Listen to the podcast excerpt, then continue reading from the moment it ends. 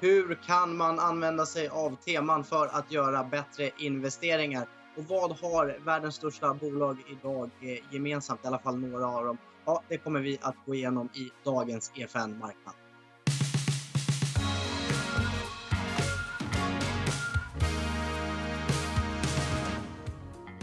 Ja, som ni tittare ser så är jag hemma. Jag är lite förkyld och då ska man ju stanna hemma. Men viktigast idag, varmt välkommen till vår studio, Jan Petersson. Tack så mycket. Du är ju förvaltare på Tellus Fonder. Hur har du upplevt eh, de senaste veckornas turbulens? Det har ju varit en, eh, en tuff tid, får man säga. Och man får ju tänka på inte bara de ekonomiska konsekvenserna men också det som sker i, eh, i samhället. Eh, så att den här tiden har handlat väldigt mycket om egentligen att eh, syssla med riskminimering i portföljerna. Vilket har fungerat bra, så långt i alla fall. Hur riskminimerar man i, ett sånt här läge?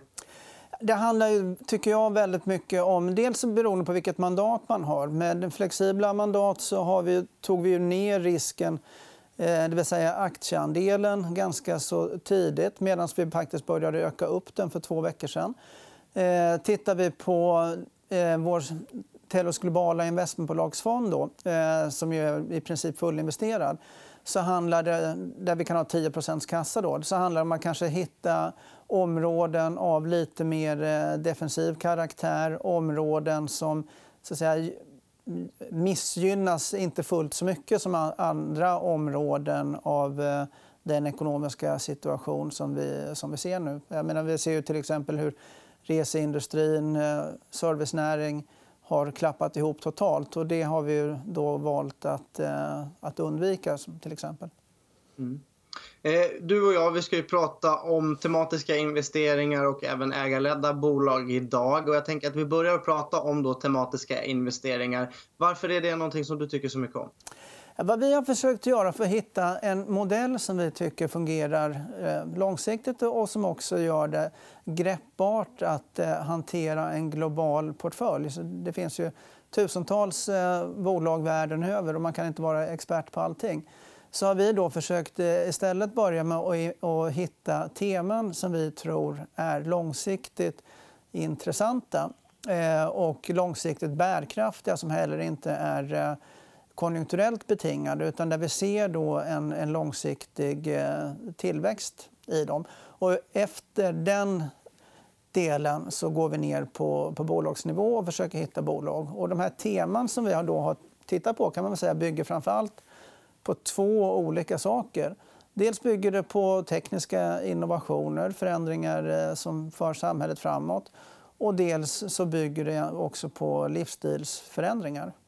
Mm, och det har vi också en, en bild på när du har plockat ut de här olika temana som vi säkert kommer få upp alldeles strax. Där, ja. är, eh, är det något av de här som du gillar lite extra eller ska man eh, ja, ta alla de här i beaktning och leta investeringar i alla hörn? Ja, det här är då exempel på teman som vi tycker då är, finns men som är då långsiktigt bärkraftiga. Sen är en del av de här teman de är mer eller mindre relevanta och intressanta vid olika tidpunkter i, i den ekonomiska cykeln. får man väl också säga. Eh, tittar vi till exempel nu så har vi haft... Eh, det började ju resa sig eh, ekonomiskt här före coronakrisen. Men så har vi haft en liten avmattning i konjunkturen.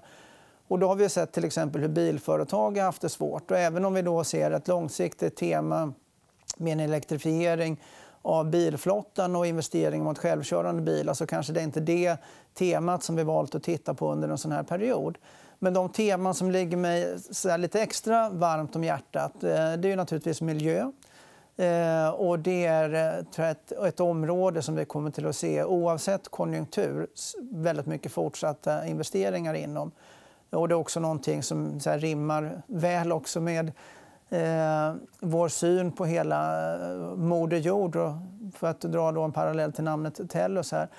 Eh, så det, det tror jag är ett väldigt, väldigt starkt tema. Eh, ett annat starkt tema det är digitaliseringen. Eh, och eh, om man tittar lite då på eh, vad vi ser här till exempel med coronakrisen nu så tror jag faktiskt att det kommer till att påskynda den utvecklingen ännu mer. Eh, vi har ju sett en väldigt eh, stark trend för en digitalisering av samhället, e-handel och så vidare. Eh, och det här, nu som jag ser med coronakrisen, den tror jag kommer till att påskynda det här ännu mer.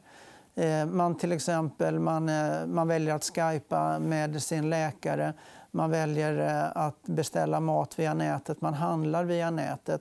Och nu tror jag att det här når åldersgrupper som det inte gjorde tidigare. Eh, ta då de yngre äldre, om jag säger så, 70, 70 plus eh, som är ganska väl förtrogna med, med internet men kanske ändå inte varit de största konsumenterna av den här typen av tjänster tror jag på ett annat sätt har vant sig vid det här nu och eh, ser bekvämligheten i det. Är du inte rädd att det här då ska bli, bli crowded trades? Att, eh, ja, men, man kan väl ändå säga att det är lite det är ju teman som ganska många nog kan identifiera. Du är inte rädd att det är tåg som redan har gått lite grann värderingsmässigt? Inte alls. Eh, utan så länge det här pågår så tror jag att den här typen av företag som finns i de här, inom de här temana kommer att fortsätta gynnas. Och det är därför bolag som eh, om du tar ett bolag som Apple till exempel som har bara blivit större och större för varje år. Och, eh, man har hört eh, i över tio år nu att ja, ja, man skulle ha köpt Apple förra året. Eh, och den har bara fortsatt och eh, fortsatt. Och så är det med väldigt, väldigt många av de här bolagen. Och så länge de fortsätter att leverera enligt den förväntansbild som finns eller kanske till och med något bättre, vilket de flesta gör, så tror jag att det här är någonting att hålla i. Sen är ju de här, menar, det dyker naturligtvis upp nya teman. Vi lever i en föränderlig värld. Och, eh, de bolag som har varit de mest lyckosamma de behöver nödvändigtvis inte vara de mest lyckosamma i framtiden heller. Men där får man ju hela tiden ompröva. Ta ett exempel som Nokia som ju var ett eh, om vi backar tillbaka då till slutet av 90-talet så var ju det ett stort framtidsbolag och man var ju väldigt, väldigt tidig på mobiltelefontrenden. Och det var ju också ett sånt här väldigt starkt tema. Men sen kom man till en punkt där man inte hängde med i den tekniska utvecklingen. Och eh, det här måste man naturligtvis vara vaksam på. Mm. Eh, när du har hittat ett tema som du känner att här, här vill jag investera, hur gör du då för att hitta intressanta bolag? Vi försöker träffa så mycket bolag som möjligt. Eh, jag träffar någonstans runt 150 bolag om året. Det är naturligtvis lättare vad det gäller eh, Europa. Det är svårare vad det gäller amerikanska bolag, där det gäller asiatiska bolag. Eh, men vi börjar som sagt vi, vi identifierar temat, sen tittar vi väldigt mycket på vilka bolag är helt enkelt ledande inom det här området. Och har man nått en ledande position så har man gjort det av en anledning. Det är oftast man är, man är kanske den duktigaste eller bland de absolut duktigaste inom det här området. Så det är ofta den typen av bolag då vi försöker identifiera. Samtidigt som vi naturligtvis också kan genom att vi möter väldigt många bolag kan hitta eh, mindre bolag som är så att säga, up and coming och kanske har eh, en revolutionerande idé eller ligger väldigt, väldigt, väldigt starkt inom ett visst segment. Och så kan man tycka att man kan hitta väldigt många bolag till exempel inom miljöområdet. Eh, vi ska prata lite grann om det här med ägarledda bolag också. Vi kan börja med ägarledda bolag. Vad innebär det mer, mer konkret? Ett ägarlett bolag det är ju där det finns Eh, Eh, en eller ett fåtal dominerande ägare som sätter sin prägel på bolaget.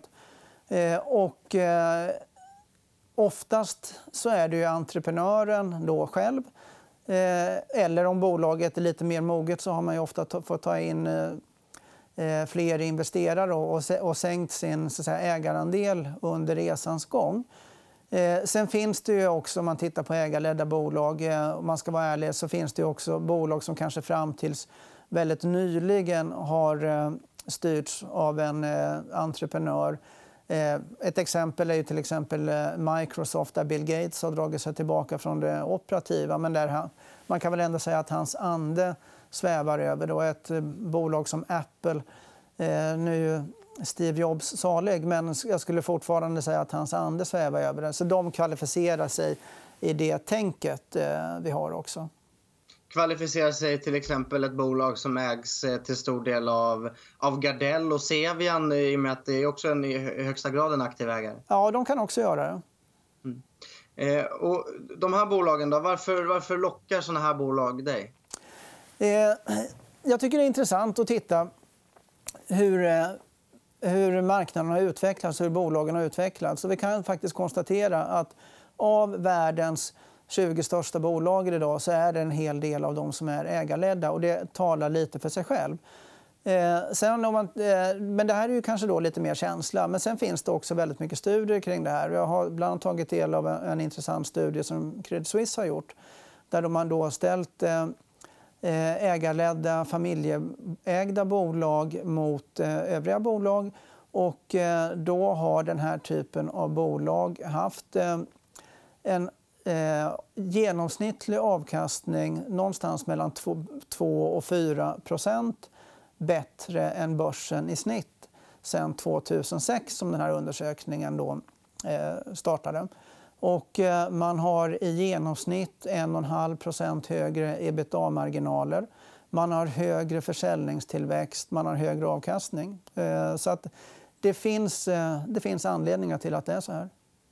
Vi tar och, och tittar lite grann på de här 20 bolagen du refererade till. Vi kan börja med att se hur det såg ut 2007 eh, och se vilka bolag som var de 20 största då. Och sen eh, tar vi och tittar på vilka som är de 20 största idag istället och konstaterar ju att eh, ja, e-, ettan, tvåan, trean, fyran, femman, sexan Eh, är ju allihopa mer eller mindre ägarledda. Så att det är ju lite av ett paradigmskifte här. Hur kommer det sig att de här bolagen har slagit först nu då, på, på senare år, att inte ägarlett gick lika bra för 20 år sedan?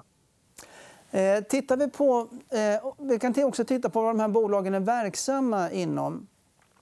Eh, jag tror att om vi tittar på historien så kan vi se att det här som vi såg första, de, eh, hur det såg ut tidigare, det var ju då före finanskrisen 2007. Och på den tiden så var det många bolag som kanske en gång i tiden varit ägarledda eh, men som sen har vuxit och så där, entreprenörskänslan har, har försvunnit. Vi tittar då på dem och de kan väl säga, det här representeras av branscher som blev till slut för stora för att vara ägarledda. Eh, till exempel eh, oljeindustrin. Eh, vi hade finansindustrin med bankerna då före eh, finanskrisen. Eh, där blev det en naturlig så att säga, utslagning eh, efter finanskrisen. och då, Banken hade inte, lika, hade inte sin dominerande ställning kvar längre.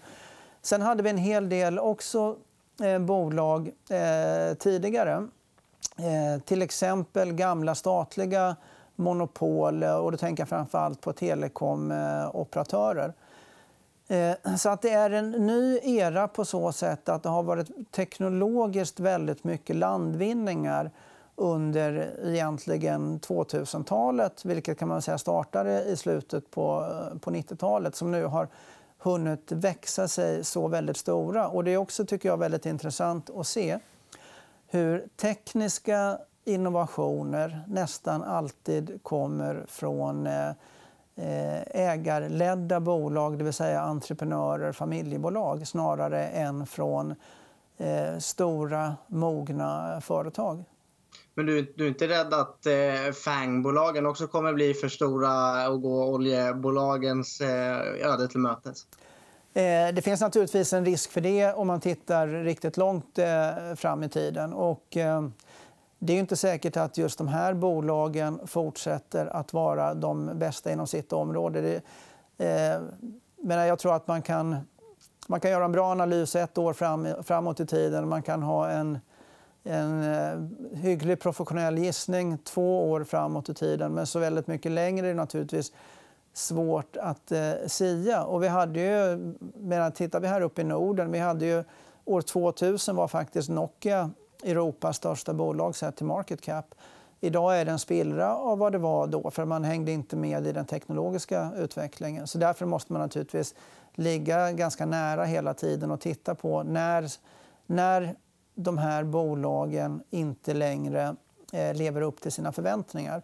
Eh, om det så bara är på ett kvartal, det behöver inte betyda så mycket. Men där måste det ändå börja lysa en eh, liten varningslampa. Att man har, eh, man har lite extra koll på när man inte lever upp till förväntningar längre.